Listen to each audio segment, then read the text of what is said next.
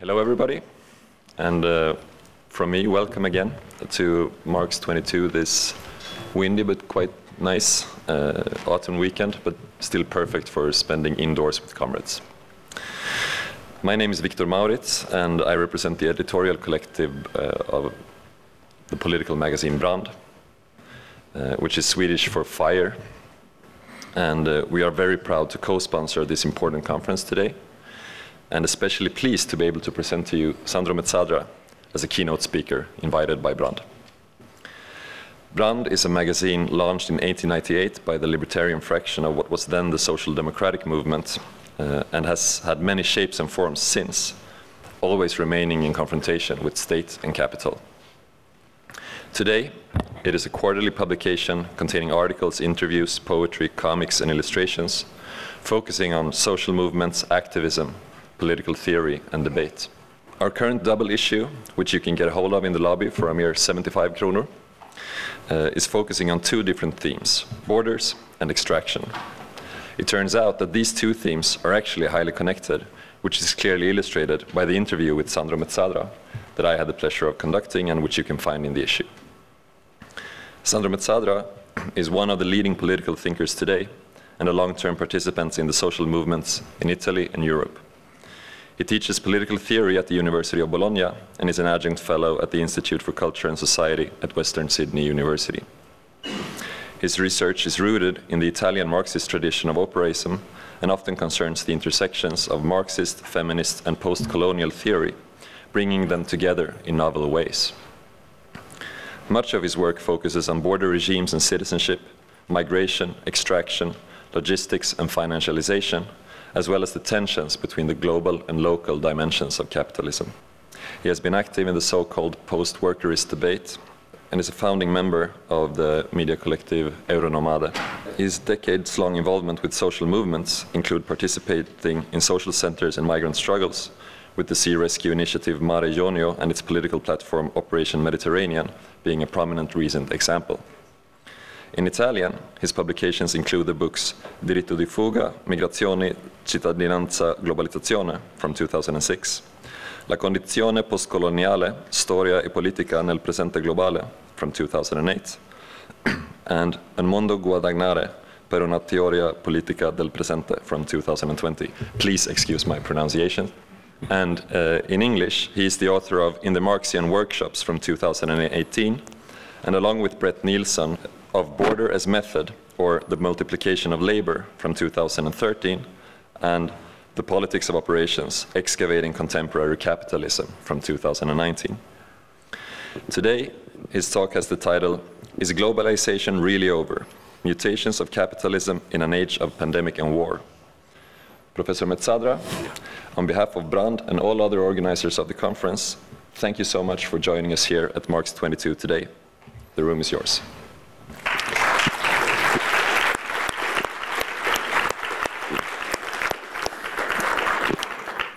Thank you so much, Victor, for such uh, a generous uh, introduction.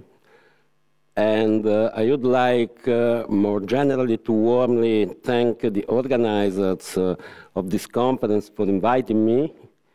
I think uh, in the current global predicament, we really need moments like this conference in order to exchange uh, ideas, analysis, uh, but also experiences uh, of uh, struggle. The topic of uh, this conference uh, is primitive accumulation. And this is a topic I have been working on for many years now. It continues to be at the center of uh, my research and writing. Nevertheless, I will not uh, address it uh, directly in my talk uh, today.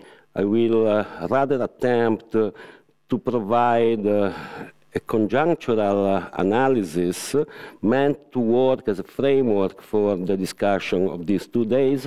And I am sure that uh, I will have uh, several opportunities uh, in the workshops, uh, but also during the other keynotes, uh, to speak more directly about primitive accumulation. So I was mentioning the global predicament we share, we inhabit, and in fact, I think there is a need to stress just at the beginning of uh, the conference uh, that we are living through a tumultuous conjuncture, a conjuncture of pandemic uh, and war, a conjunction of uh, economic uh, crisis. Moreover, in Sweden, as well as in Italy, the country I come from, we are confronted with uh, a rise of the far right that uh, must be understood in the framework of uh, a reactionary cycle that uh, started at the global level uh, at least uh, 10 years uh, ago. The names Duterte in the Philippines, Erdogan in Turkey, Trump and Narendra Modi, Al-Sisi, Orban, and Bolsonaro are uh, useful uh, reminders of uh, the width and depth of the reactionary cycle. And in a way, also Putin belongs to this cycle while assessing Xi Jinping's politics of centralization of power over the last 10 years would require a wider and more detailed analysis. So I decided to focus on globalization in my talk today for uh, several uh, reasons, uh, starting from the fact that so many people claim that globalization is over, that globalization is over in particular due to the pandemic and the war. I thought uh, there is a need to better understand therefore what uh, we mean by globalization and whether it continues to make sense, uh, as I think, uh, to speak uh, of uh, a global capitalism. And I've always looked at globalization from the angle of uh, the mutations of capitalism. But first of all, let me remind that there was a time not long ago in which globalization provided uh, a keyword for establishing uh, powerful transnational alliances among social movements and struggles. I'm thinking, of course, uh, of uh, the time that is strictly connected to such places as Seattle and Porto Alegre between the late 1990s uh, and 2001 to put it with a personal note, I remember very well traveling to Gothenburg in uh, June 2001 to participate in the demonstrations against uh, the meeting of the European Council, while uh, I was engaged with many, many others in organizing the contestation of the G8 meeting to be held in Genoa in the following month of July. Sure, repression was brutal on uh, the roads of Gothenburg, announcing in a way the even more brutal and criminal attitude of uh, the police in Genoa some weeks later.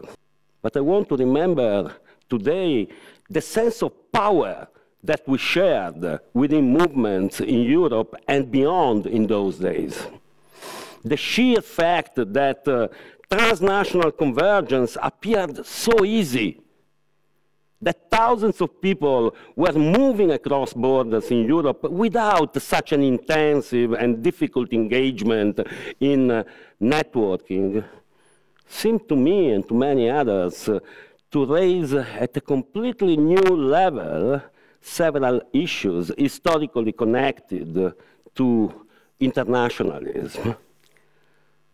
As I will uh, explain later, those days are gone, and global processes uh, take on completely new characteristics uh, today.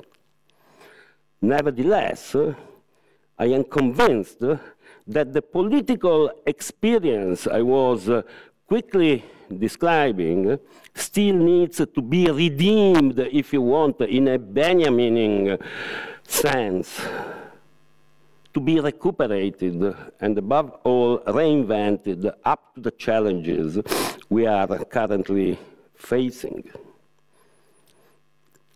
So, not only chronologically, 2001 came after the 1990s, which were in many respects the decade of uh, globalization.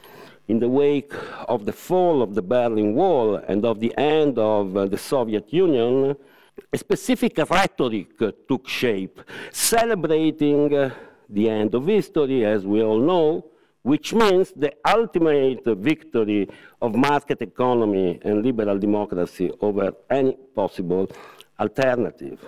What was uh, envisaged was a borderless world, to put it in the terms of a book published uh, in 1990 by Japanese uh, management guru Kenichi Ohmae war was going to be substituted by international interventions of uh, a peace police hmm, against rogue or outlaw states, which were presented as relics of a distant past.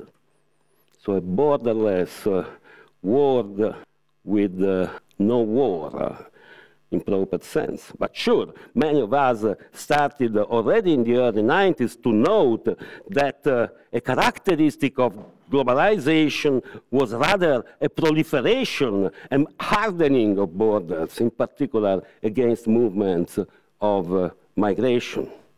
At the same time, we mobilized against wars for instance, in Iraq and uh, in former Yugoslavia, including the NATO intervention against Serbia in 1999, radically criticizing the rhetoric uh, of the peace police, according to which, as we repeated with George Orwell and Arundhati Roy, war is peace.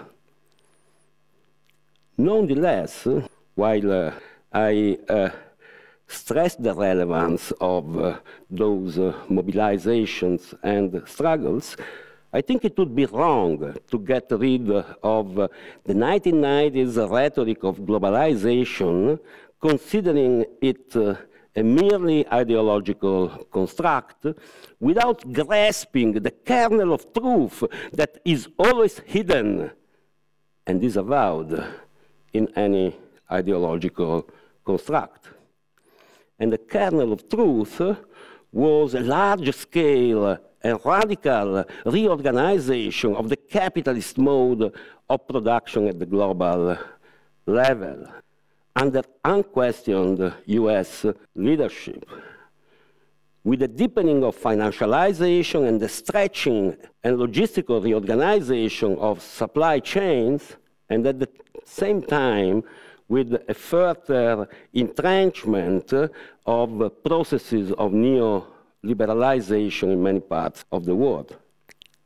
Let me stress that that project was necessarily inclusive, and in particular in the Clinton years, it presented itself as a universalist project, foreshadowing a steady process of uh, economic, cultural, and even political homogenization. Remember that in Genoa, in 2001, we demonstrated not against a G7, but against a G8 that included the participation of Vladimir Putin of Russia, while at the same time China was negotiating to become a member of the WTO, what actually happened that same year in December. Well, it is easy to see that that project, that project of capitalist globalization is over. So, in the following decade, the end of globalization was uh, announced both from the right and uh, from the left in at least three different uh, conjunctures. And I think uh, it may be helpful to go through these uh, three conjunctures uh, from the point of view of the need to build a genealogical understanding of the present. While in 2000 2001, the bursting of the so called dot com bubble in the US hit with the new economy, one of the pillars of uh, rhetorics uh, of globalization in the Clinton years, 9 11 raised a completely different uh, challenge. The world turned out to be more hostile than imagined to the tale of an eternal peace engendered by market economy, free trade, and liberal democracy. Security became the keyword of the day. Borders became even more barricaded. Huntington's clash of civilizations seemed to be a ready made manifesto in international politics, no less than on the internal front. To put it uh, with the words of Robert Kagan, one of the neoconservative intellectuals that played uh, such an important role uh, in shaping President Bush Jr.'s response to 9 11, it was the time of people coming from Mars, like the Americans, and not like the Europeans from Venus. It was the time of war. And the war on Iraq that started in March 2003, despite an amazing and unprecedented worldwide mobilization to stop it, was a second blow to the, record, uh, to the rhetoric of globalization. US unilateralism characterized that war, even beyond the well known lies on Iraq's weapons of mass destruction prompting such a prominent leftist scholar as David Harvey to speak of a new imperialism in a book in which he famously introduced the phrase uh, accumulation by dispossession. For many observers, uh, again on the right as well as on the left, it was again the time of the state and war.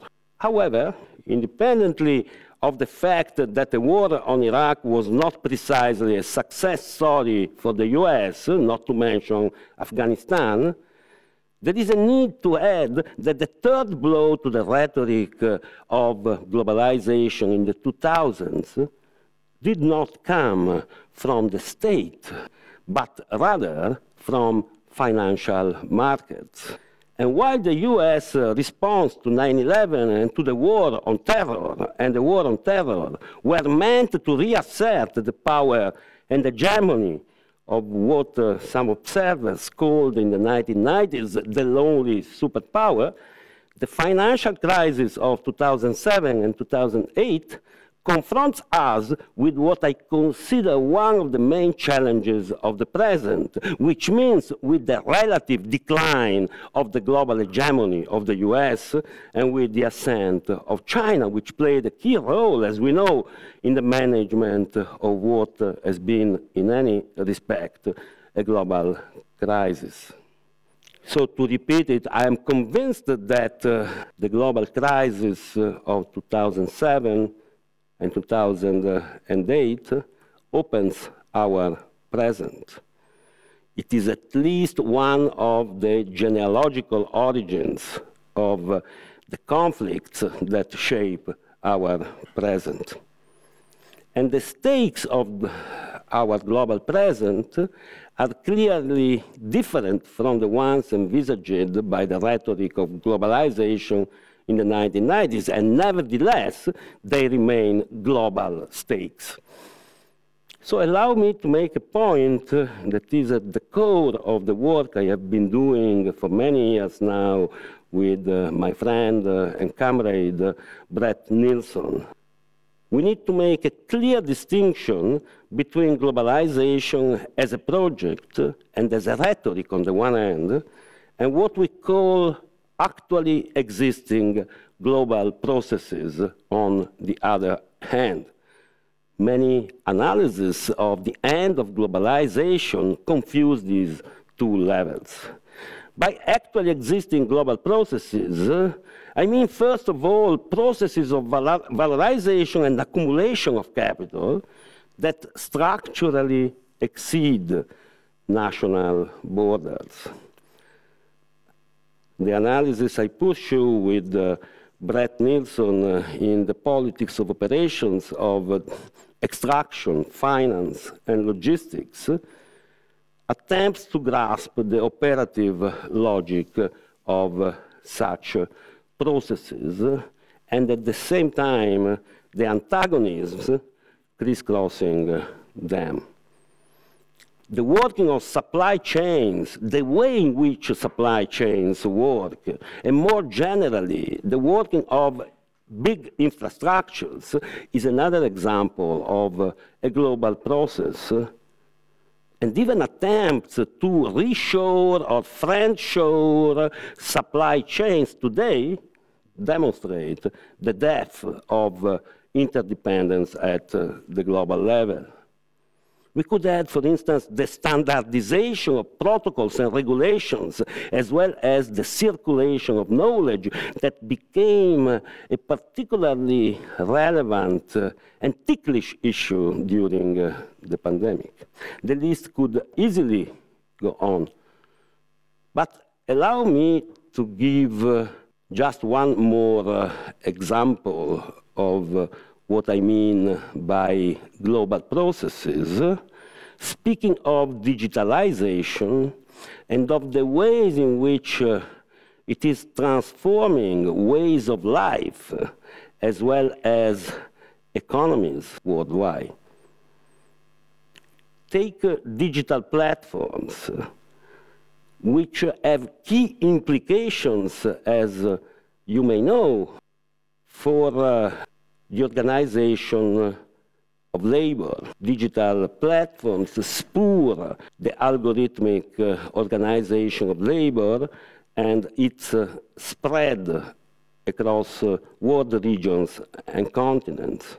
If you think of previous technologies of labor organization, for instance, Taylorism, the scientific management of labor, well, you easily see that uh, they took decades uh, to spread uh, across continents. With digital platforms, it took a few years. And sure, as many scholars stress, there is a need to de-westernize platform studies, which means to take seriously the heterogeneous ways in which the platform device is translated onto different material contexts.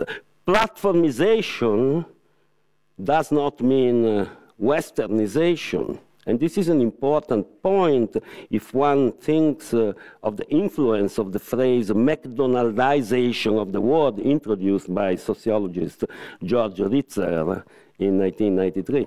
But my point is that the dialectic of uh, homogeneity and heterogeneity that shapes platformization is constitutive of the global processes that I am proposing to take as a privileged analytical angle.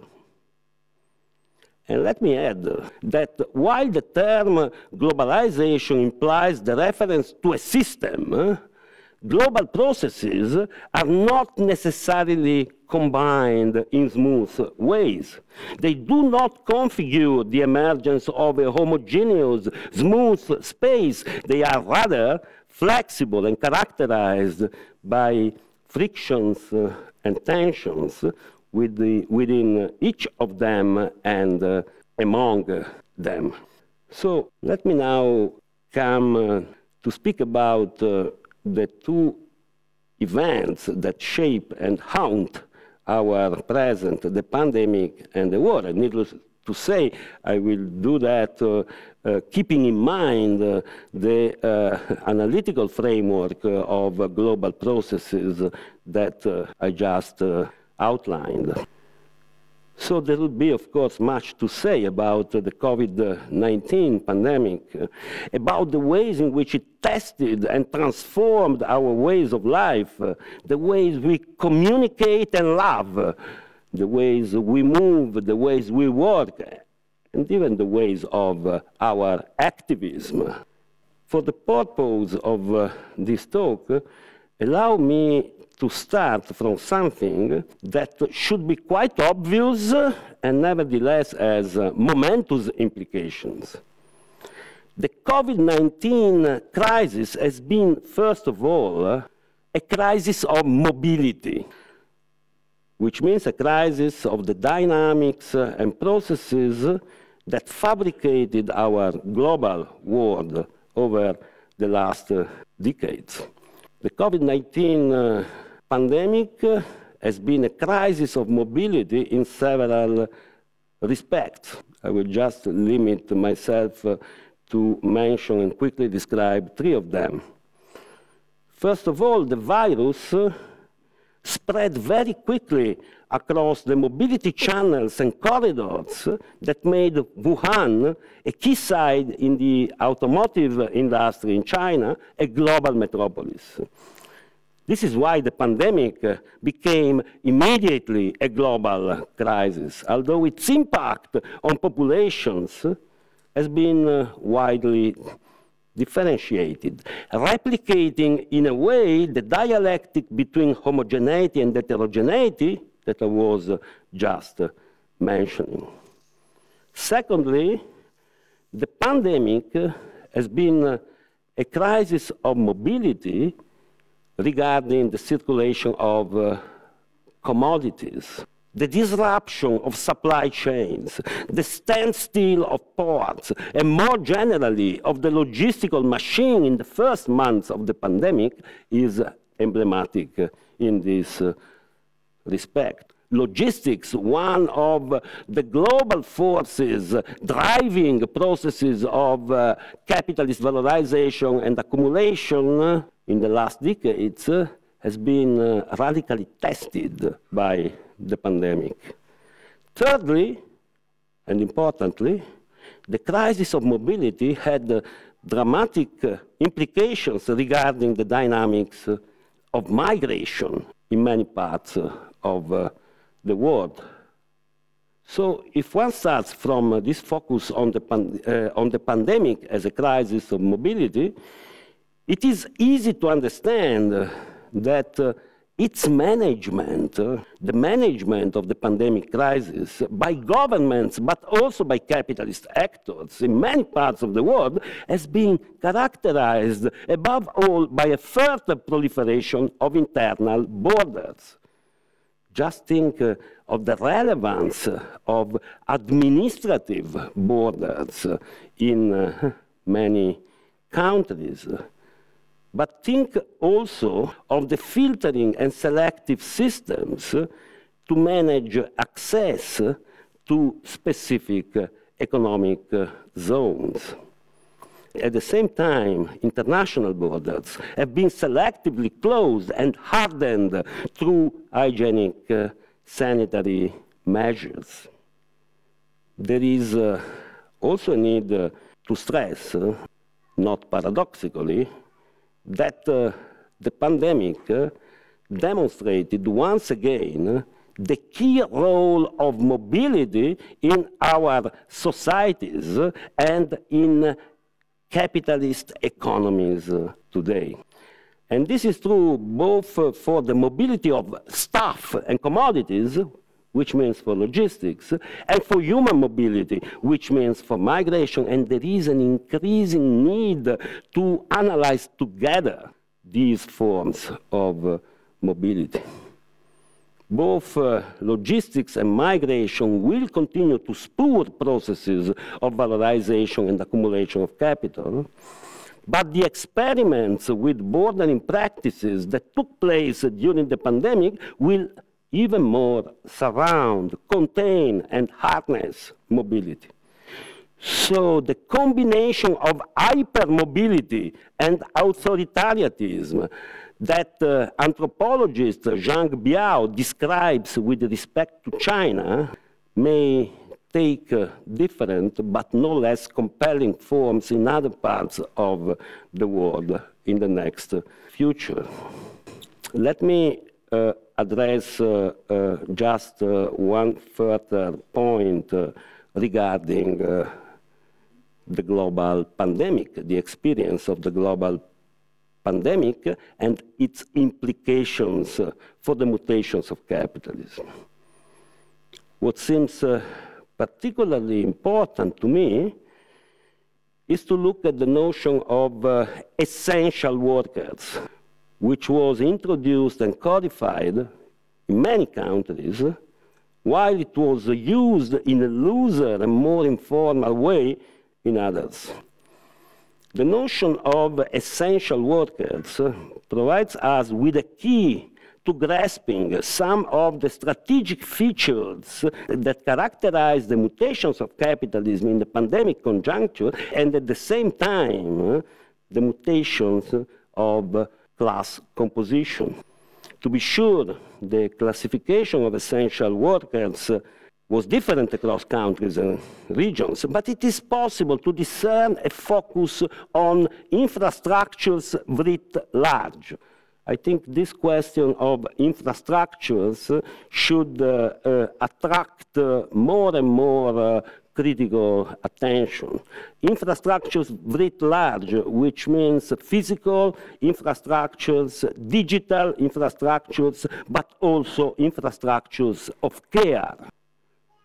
So it is possible to discern a focus on infrastructures writ large when looking at the classifications of essential workers, a focus on what anthropologist Andrew Lakoff aptly calls, I quote, the systems underpinning the social and economic life, and on the need to secure the continuous flow of resources through a set of vital, vulnerable systems.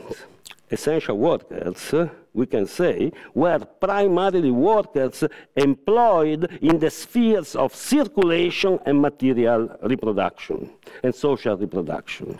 To sum up, I am convinced that these two spheres, circulation and social reproduction, will have even more important roles to play in post-pandemic uh, capitalism, driving processes of valorization and accumulation, even in the sphere of uh, production.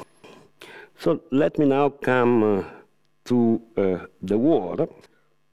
Russia's invasion of uh, Ukraine radically altered, indeed, a global conjuncture that had been characterized by the COVID 19 pandemic in the previous two years. I will not discuss uh, the war as such, the reasons why it started, or the military developments uh, on the ground. I just want to focus on what matters more in the present war for the future of global capitalism, at least in my opinion. The war is again crucial for the development of global capitalism, and this is again such a huge difference from the debates, also from the critical debates of the 1990s, when wars seem to proliferate at the fringes of, global, of the global system and not at the very heart of the system as it is today. So the issue of imperialism is again a heated question, both from a political and from a theoretical point of view. We need to think war and imperialism anew. But to do that, I think we have to take as a point of departure what I was saying before about the relative decline of the US global hegemony. Having that, we already live, at least since the global crisis of 2007 and 2008, in a multipolar world. But multipolarity, to quote from an important book by Adam Tooze, Shutdown, is today centrifugal and, I would add, conflictual.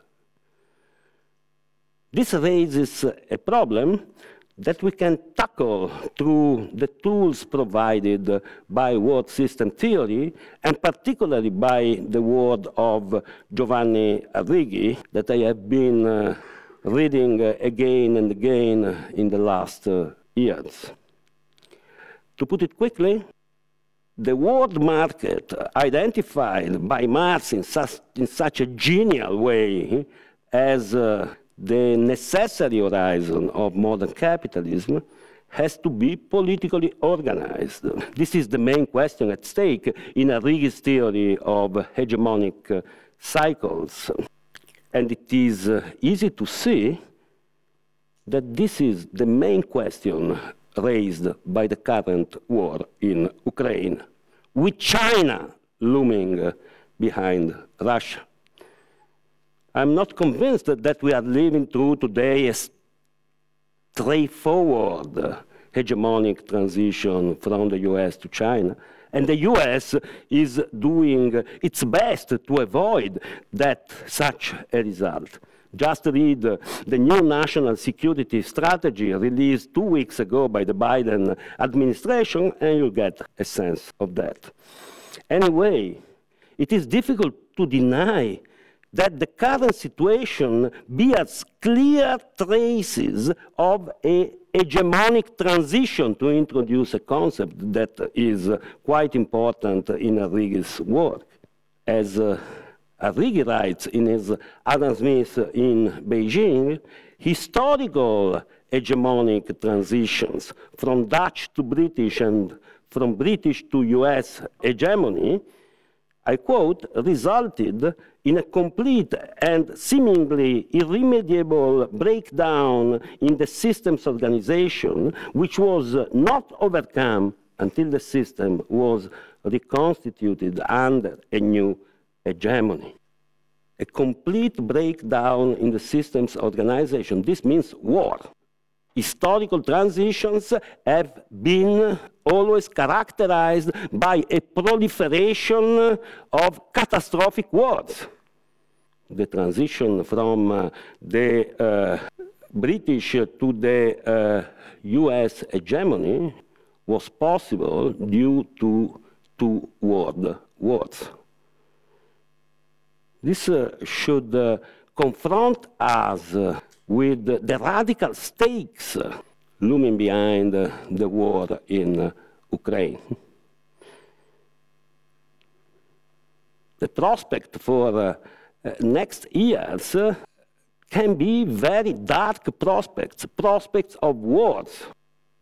The current war that will not finish in Ukraine is the title of a really good book written by Raul Sánchez Cedillo that came out uh, in uh, Spanish uh, last week, and I agree with the sense of uh, that uh, title.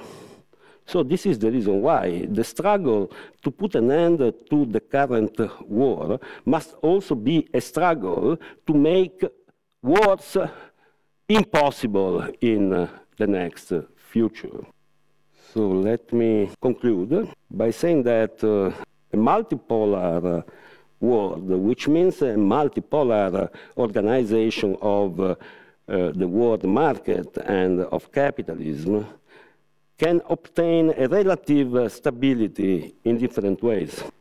And for sure, the aggressive expansionism and civilizational rhetoric of Russia is a scaling basis, as it is the US attempt to recompose a white and militarized West around NATO, and Sweden and Finland have a role to play in such an effort. Many people began to talk uh, in the next years about a return or a dialectical recoil of the state uh, during the pandemic based on the relevance of public health that uh, the virus revealed. I do not uh, have the time to discuss such a diagnosis now, but the question of the state, the question of the relation between state and capital continues to be a crucial uh, question. Let me just say that the states that are likely to play important roles in the next future in the articulation of global capitalism are very peculiar states. They are continental or even imperial states, such as Russia and the US, such as China and India, Brazil and Turkey, to mention a few of them. From our point of view, the discussion should uh, therefore focus not only on uh, the small scale uh, national states that we inhabit, but also on the European Union. And we should carefully analyze, maybe this is a topic for the discussion after my talk, uh, uh, the mutations of uh, the material constitution of the European Union uh, in the wake of uh, uh, Putin's invasion of Ukraine. A multipolar world capitalism could be organized around poles revolving around such continental states. While it is clear that global processes would traverse those spaces, raising the problem that we can call of their global articulation. Needless to say, but I think it is important to say it. There is no global actor today that can attract our sympathy or support as a socialist or communist, as I prefer, uh, militants. But what uh, is often discussed uh, in misleading ways uh, under the label of geopolitics matters for us today as it mattered during the First World, uh, the First World War for uh, Lenin. We have to be aware of the fact that global forces and conflicts shape the terrain on which we develop, even our most local struggles. And at the same time, that social, anti-racist, feminist, and environmental struggles, in short, class struggle writ large, transform the balance of force within each economic and political space, and thus its position in uh, the world. So it is against this background that we have to act today. And to hark back to a point I touched upon before, we have to reinvent internationalism, maybe giving it a different name. Today, we see the emergence of a multipolar world through the lens of the massacres in Ukraine and of the rise of authoritarianism and nationalism in many parts of the world, I repeat, including Italy and Sweden. But let us try to look at such emergence also in a different way, imagining the possibility of a real end of Eurocentrism, which was the mainstay of anti-colonial struggles in the 20th century. Then, a continent of political possibilities, uh, of struggles and yearning emerges beyond the war. And it is up to us to explore this continent and to build the power we need to struggle against the nightmare of the war for freedom and equality. Thank you.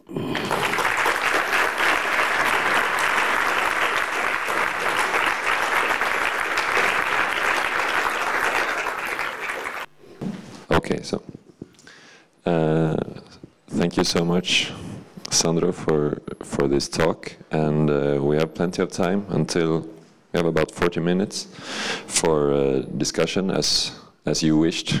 Uh, plenty of room for everyone to join in. Uh, so please don't be shy for, uh, for your questions or your remarks. Uh, but please, of course, leave enough uh, time for everybody. Uh, I will maybe begin by asking you a first question. You mentioned briefly that you see how the spheres of, of, circulation and social reproduction will become even more important now after the pandemic. And also, you said driving processes, of processes of valorization even within the sphere of production. So I, I wanted to begin by asking if you could expand on this thought uh, a little bit and explain it a little bit more. Will you collect questions or? Thank you. Thank you very much for your interesting speech. Um, you said that there is no global actor um, that we could, that can attract our sympathies, except of the feminist, ecological, social, anti-racist class struggle movements. But what about the UN and international law? What is your thoughts on it? What about? The, the UN, the United Nations. Do you think it is an actor that could somehow um, bring order in these global processes, in the uh, bring diplomacy and a diplomatic solution to the war? So, uh, two quite different uh, questions. this uh, focus on uh, circulation and uh, social reproduction is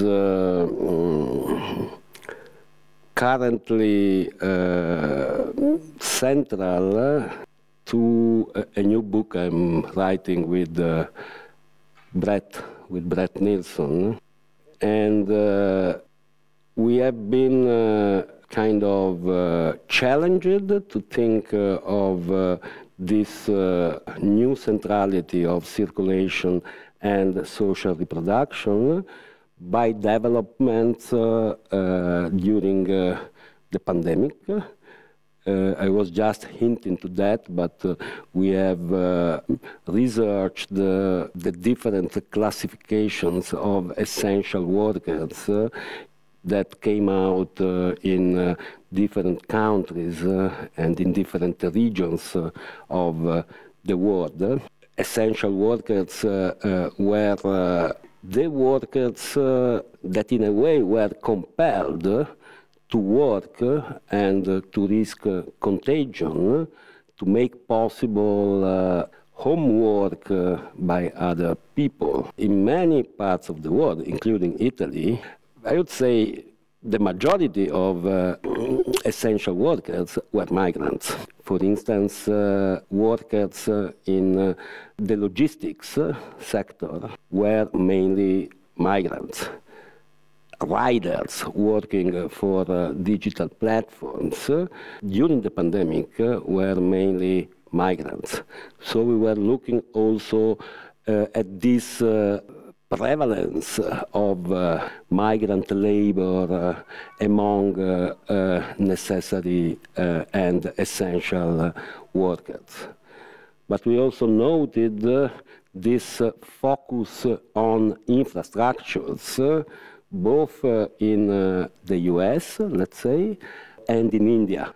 And so we started to reflect upon the meaning uh, of uh, a definition of essential workers through the reference to infrastructures. As I was saying before, there has been uh, a kind of interesting enlargement of the meaning of infrastructure over the last years. You know, if you look at the first version of Biden's plan on infrastructures, that was, of course, defeated in Congress, it is quite interesting to see that uh, infrastructures are not only bridges uh, and railways.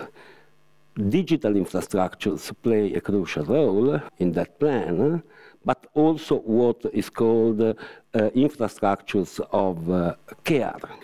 So in this uh, definition of infrastructure, we see a kind of intermingling between circulation and social reproduction. Starting from uh, uh, this uh, intermingling of circulation and social reproduction during the pandemic, we asked back to Marx, of course, and we tried to read uh, Marx's analysis of the relation between circulation uh, and production, uh, between circulation, production, and reproduction of capital. But then, of course, uh, what uh, was particularly important for us uh, was uh, the debate uh, surrounding uh, feminist theories of social reproduction. And we brought those theories in the discussion of the intermingling of circulation and reproduction.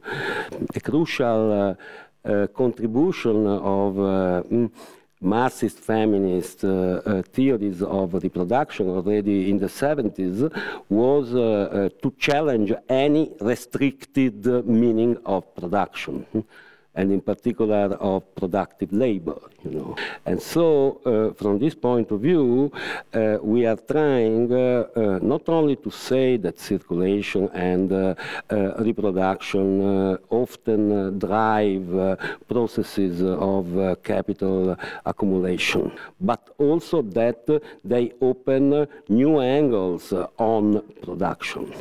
So what we are trying to do, but it sounds too ambitious, is to work toward a new tableau économique, as Marx said, uh, uh, taking the phrase from Quesnay. And so reframe the relation between production, circulation, and uh, social reproduction. But regarding the fact that circulation often uh, uh, guides, uh, drives processes of capital valorization and accumulation, even in production, I mean, this is kind of common sense in the critical literature on logistics. You know, if you take uh, uh, the way in which uh, inventory giants like Walmart and Amazon relate to uh, producers, uh, it is quite easy to see that uh, they hold a position of command. You know, they are acting, operating in the sphere of circulation, but they have they are in a position of command on a kind of heterogeneous productive environment of production or take uh, uh, the question uh, of agriculture you know, after uh, what is often called uh, the retail uh, revolution in agriculture, where you have huge capitalist actors let's name one, uh, Carrefour, uh, that is able to dictate uh, the pace and even the modalities of production on the fields, in the fields, but also in canneries. So we are trying to put together all these uh, uh, different uh, research outcomes in order to attempt to outline a new the theoretical understanding of the relationship between circulation, reproduction, and production, a new theoretical understanding that uh, is also meant uh, to, to open up uh, uh spaces of uh, uh, struggle. Mm. Regarding the UN, you know, this is a vexed question. The UN uh, uh, Uh, continues to be a quite uh, uh, ambiguous formation, even from a legal point of view, because it should embody kind of overcoming of national sovereignty but it is predicated upon national sovereignty. And if you take uh, uh, the current war, uh, Russia's war uh, against Ukraine, uh, well, uh, Russia, as you know, sits in the Security Council and has a, a veto right in Security Council. So this is a classical situation in which the UN at least according to uh, its uh, normal procedures, is paralyzed as it was the case with with uh, U.S. wars, of course, you know. But without uh, without a deep reform of uh, the United Nations, there are hundreds of plans for such a reform. It is difficult to imagine that the UN as such. Hmm, can play a role different from, uh, you know, uh, kind of important uh, representation uh, of uh, the world nations. I think the assembly of uh, the UN is important, but from the point of view of representation, not of diplomatic action. The main actor for diplomatic actor should be the Security Council but you have Russia involved in the war that has a, a veto right.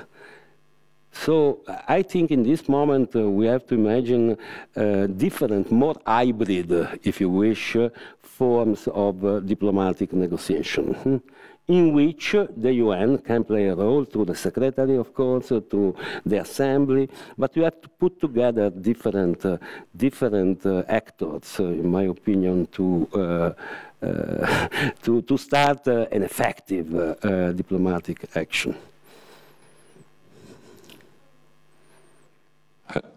Yes. So we have a first question here, and then please raise your hands, everybody who wants to be go next. Um, Thank you so much for your talk. Uh, my question concerns the, um, at the end, you said we need to end the Eurocentric perspective, which I really appreciate. Uh, and I'm really happy that you brought up that this question of um, the ways in which that the ending Eurocentric perspective, including challenging the specific temporality and spatiality that entails. And I think that's something this is really echoing. Um, I think that's something you've been trying also to suggest in your theorization of the operation of capital. Um, but my question, I guess, is um, perhaps a methodological one as well. Um, so I was wondering, for example, um, when you mentioned that um, the pandemic in China was immediately a global crisis. And my understanding of that scenario was that what precisely happened was not so much that it, it immediately became a global crisis, but what happened at the beginning was that, look, that's happening in China, not here. It's not going to be here, and it's very much contained there because there's a very strong racial logic that separates us and them already in the first place. Um, so I guess what I'm thinking about is the ways in which um, in the analysis that also you're proposing, for example, concerning the um, operation of capital, it still seems to me that um, it starts from this understanding that there is this material outside um, versus the circulation, which in many ways could be considered immaterial if I'm following Ravi Sundaram's work. Um, I'm thinking also the separation between the homogeneous and the heterogeneous, and the ways in which you challenge the cause and effect operation that challenges how circulation functions, and in your answer also to the relation between circulation and social reproduction.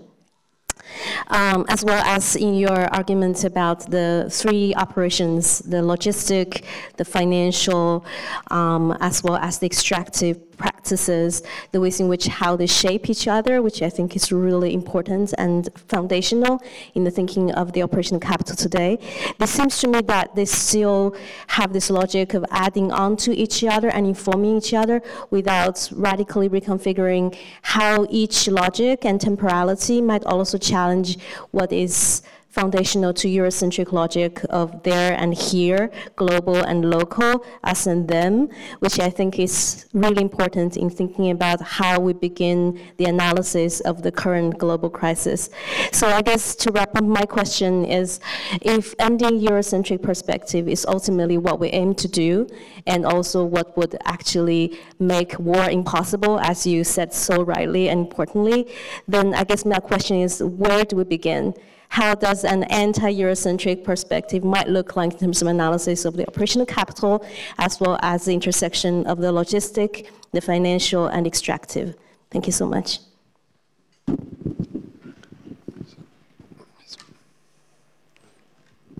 So we'll take a couple of more. Yeah, yeah. Yeah. Yes, my question is um, about in the trade union movement and their work for decent work. Can you comment on their role in the peace process? Because when you talk about essential workers, are you meaning not organized?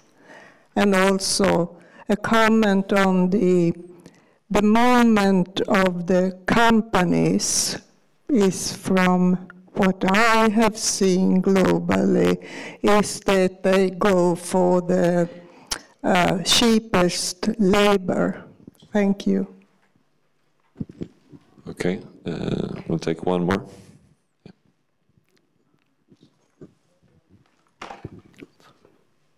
Uh, hello, uh, and thank you for the interesting speech. Um, My question, actually more like a comment, uh, goes uh, to the previous, uh, is related to that uh, question about Eurocentrism. And um, yeah, what caught my attention is that um, when we talk about global processes and globalization, there's a, a tendency usually to think about the movement of social, political, economic technologies from the center of global capitalism to the peripheries. Um, for example, yeah, the way you talked, for example, about scientific Taylorism. Um, so um, I think that there is also interesting to think about uh, how peripheries and colonia, uh, colonies have been used as laboratories uh, for certain political economic technologies. For example, uh, the plantation slavery in the 16th, 17th century for 19th century industrial capitalism or or um, slave plantations to the scientific Taylorism in the beginning of the 19th century in the US, and neoliberal shock therapy uh, in Latin America, for example. So can we think of similar kind of movement maybe in the case of pandemic or nowadays war technologies, for example?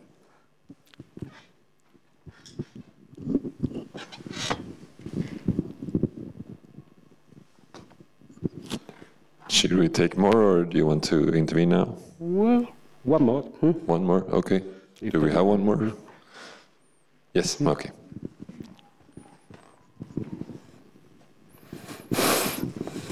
Thank you. Thank you. That was, uh, that was a really fascinating talk. Um, my question is um, about this move from uh, a form of multipolarity that is centrifugal and conflictual, as you described it, and um, how would you explain this, this particular form of multipolarity uh, in light of contemporary transformations in global capitalism? Um, and how would this shape also the particular form of the hegemonic transition that you talked about between the US to China or, or elsewhere? Thank you. How I explain the formation of uh, multipolarity? Yeah, what would be the what would be the determinants of this uh, okay. new form Thank of you. multipolarity? Thank you. Thank you.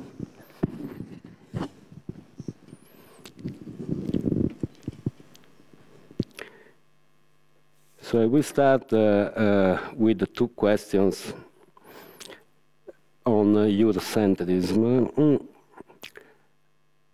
And uh, uh, I must say that I am happy to get such uh, questions uh, in uh, Border as Method and in the politics of operations.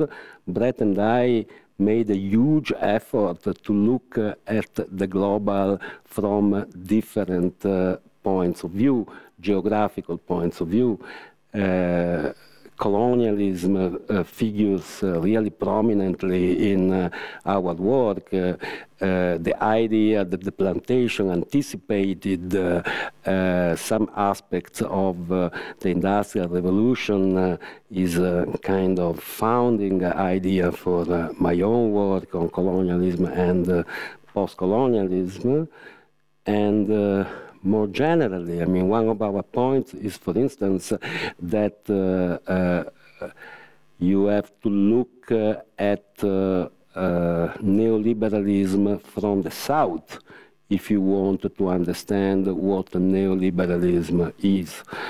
Uh, we have been working very much on Latin America, uh, our whole uh, discussion of uh, the role of the state in processes of emancipation and liberation is uh, uh, developed uh, against the background of Latin American experiences in the last 20 years.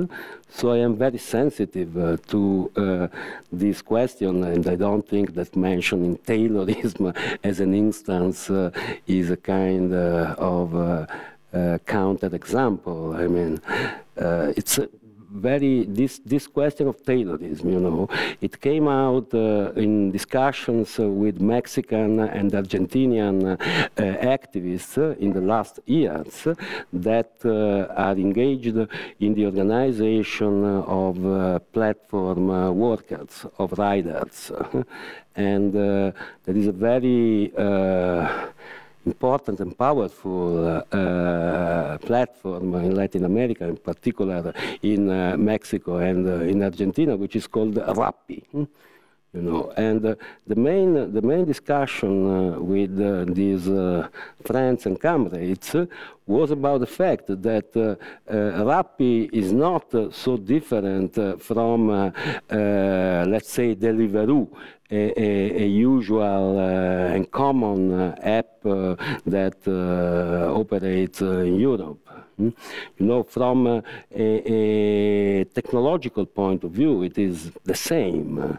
But then the way in which uh, it is uh, translated onto uh, daily life in Latin America is quite different and in particular the composition of labor, the composition of platform labor, which intersects with uh, uh, the informal economy. You know, in even more than uh, in Europe, because it happens also in Europe. But uh, in countries like Mexico and uh, uh Argentina, the informal economy is big and uh, uh, usually it is uh, uh, understood as a backward economy. But if, if you want to understand the most advanced form of capitalism today in Mexico and Argentina, digital platforms, you have to look at informal economy which seems uh, quite interesting to me, you know, uh, from a theoretical point of view, but also from uh, a political point of view, having in mind the long history of uh, struggles in, uh, in the informal economy, in particular in Argentina, because I know very well Argentina. So, where to begin, you know, I'm not able to give uh, to give uh, an answer uh, to this question. Uh, I just say that uh, uh, there are many people who are quote and unquote beginning while we are talking. In India, like in Argentina, in Italy, in Sweden uh, it's difficult for me to find, you know, a, a strategic side.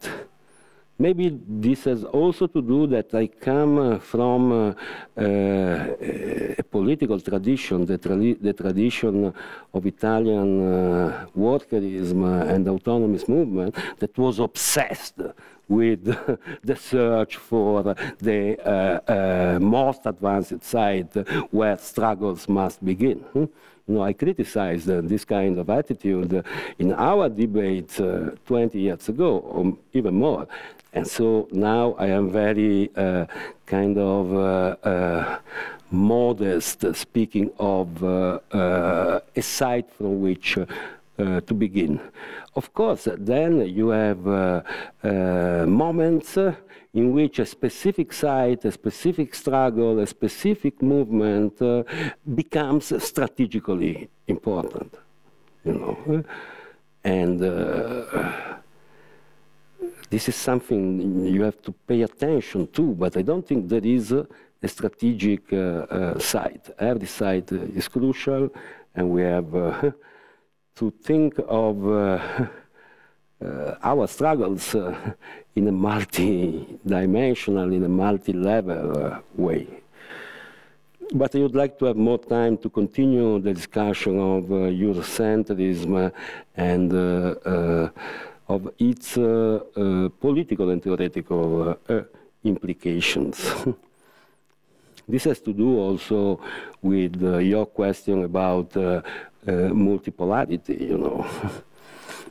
because it is clear that uh, among the determinants, uh, as you had it, uh, of uh, the emergence of multipolarity, you also find uh, struggles. You also find anti-colonial struggles. uh, the long history of anti-colonial struggles that were struggles against uh, Eurocentrism.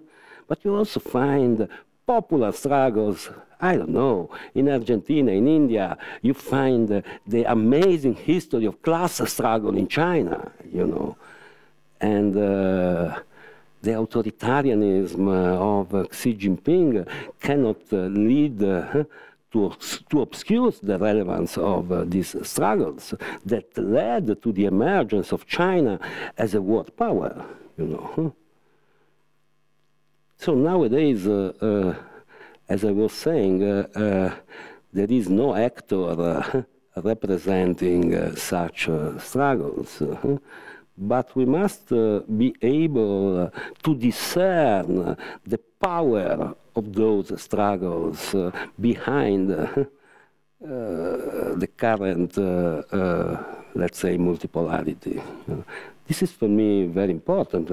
At the same time, you know, the determinants of uh, the uh, ascent of multipolarity are, uh, of course, uh, diverse. If you read Giovanni Arrighi, uh, he looks at uh, financial developments, for instance, starting in the 1980s, uh, and in the way announcing the crisis of U.S. hegemony at the global uh, level.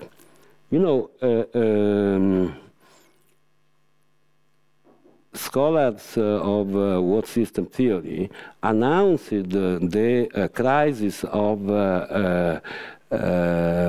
U.S. hegemony in the early 1990s. And I remember reading uh, their stuff and thinking, these people are really, they don't get the spirit of the time, you know. And I must admit that uh, several years later, uh, I harked back to those uh, texts uh, and I found them uh, much more convincing. And particularly, you know, the, the, the last book, uh, as you may know, Giovanni Arrighi died, passed away 15 years ago. I mean, his last book, Adam Smith in Beijing, is a really great book. It's a really great book that I uh, encourage you to read uh, if you haven't done it, or to reread, as I did, uh, against the background of the current uh, conjuncture. Then there was the question about the trade unions, which is, uh, of course, an important question. Uh, when I talk of essential workers, I do not talk necessarily about workers who are not represented by the unions. I'm talking about those workers uh, that were uh, recognized by governments as necessary for the national economy during uh, the pandemic. Among them, you find different kind of workers. And uh, trade unions uh, play uh, different uh, roles uh, in different countries, of course, and in different sectors. I will make uh, just one example. Hmm. Um,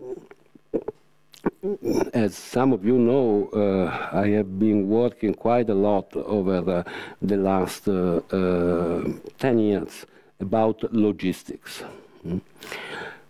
I've been working uh, uh, as a researcher on logistics, but also as an, as an activist, because uh, in 2013, uh, a really powerful cycle of worker struggles started in the logistical warehouses in the region of Bologna. So we uh, built a collective that was a collective uh, of uh, students, uh, uh, activists, with the aim uh, to um, pursue an investigation of the logistical sector in the uh, region of Bologna and at the same time to intervene uh, at the gates of uh, the uh, warehouses, usually very early in the morning and in very tense situations with, with the police. uh, some of those people formed a uh, collective, a new collective that is called Into the Black Box. You can find uh, in the web uh, their uh, site, and they have a lot of very interesting materials. But anyway, uh, hmm, what uh, we quote and unquote discovered uh, is the fact that uh, the main uh, uh, logistical uh, players in the region of Bologna had outsourced the management of warehouses to cooperatives. And in the warehouses managed by cooperatives, uh, 90 to 95 percent of the workforce is migrant, basically coming from uh, North Africa. Mm. Labor conditions uh, are worse than in the warehouses of Amazon. Mm. These warehouses are usually, not always, but usually smaller. Mm. They are run by cooperatives. So you can imagine what cooperatives are in the region of Bologna. Bologna was a very important city for the birth of the cooperative movement in the 19th century. Mm. And you can imagine the trade unions have quite uh, strict relationships with these uh, cooperatives. And this means that uh, uh, trade unions uh, were not present in the warehouses. when uh, uh, there was a, a really uh, amazing uh, uh, insurgency of migrant logistical workers, they had to address a grassroots union. And this grassroots union, which is a very, uh, how can I say, very traditional Marxist-Leninist, uh, uh, small uh, uh, union, uh, became hegemonic in the warehouses. And you can see it both ways. You can think that this union understood that in such a strategic site, uh, the uh, established uh, trade unions were not present, and so they uh, unionized the workers. But you can also think, of course, I prefer to think that that uh, uh, migrant logistical workers used that uh, uh, union in order to pursue their struggles. So this is just an example, you know.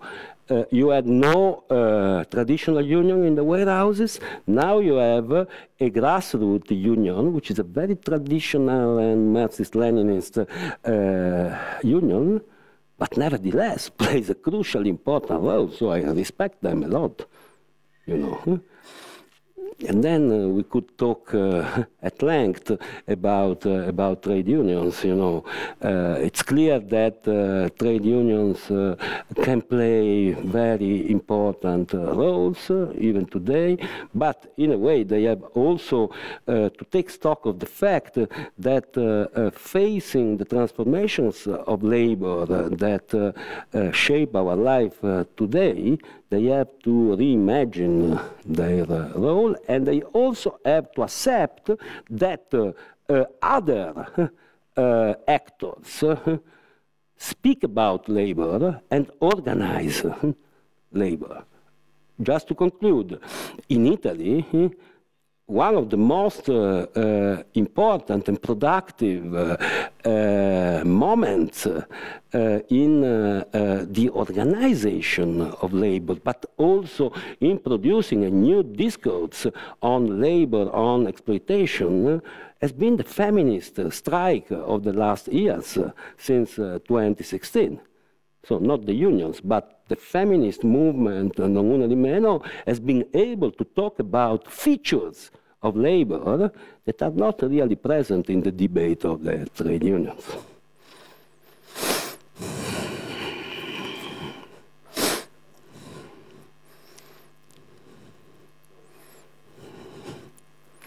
Ah, yeah, so we have about maybe four four minutes left, something like that. So if there is a final a, a final question, first first raised, first served. Somebody wants to make a last intervention before we end. Maybe I put too much pressure now. But Um, or if you want to say something to conclude the discussion, I don't know. I will be around. Uh, Yeah. I will not uh, go away after the talk, so we'll have uh, opportunity Okay. To exchange. Well, maybe maybe let's end here then, uh, since we only have a couple of minutes, and we, the next uh, part of this program uh, begins in about seven minutes, according to my watch. Uh, thank you so much for everybody for coming here. Thank you so much for all the interventions, and especially uh, thank you so much, Sandro, for uh, for this great talk. Thank you very, very much.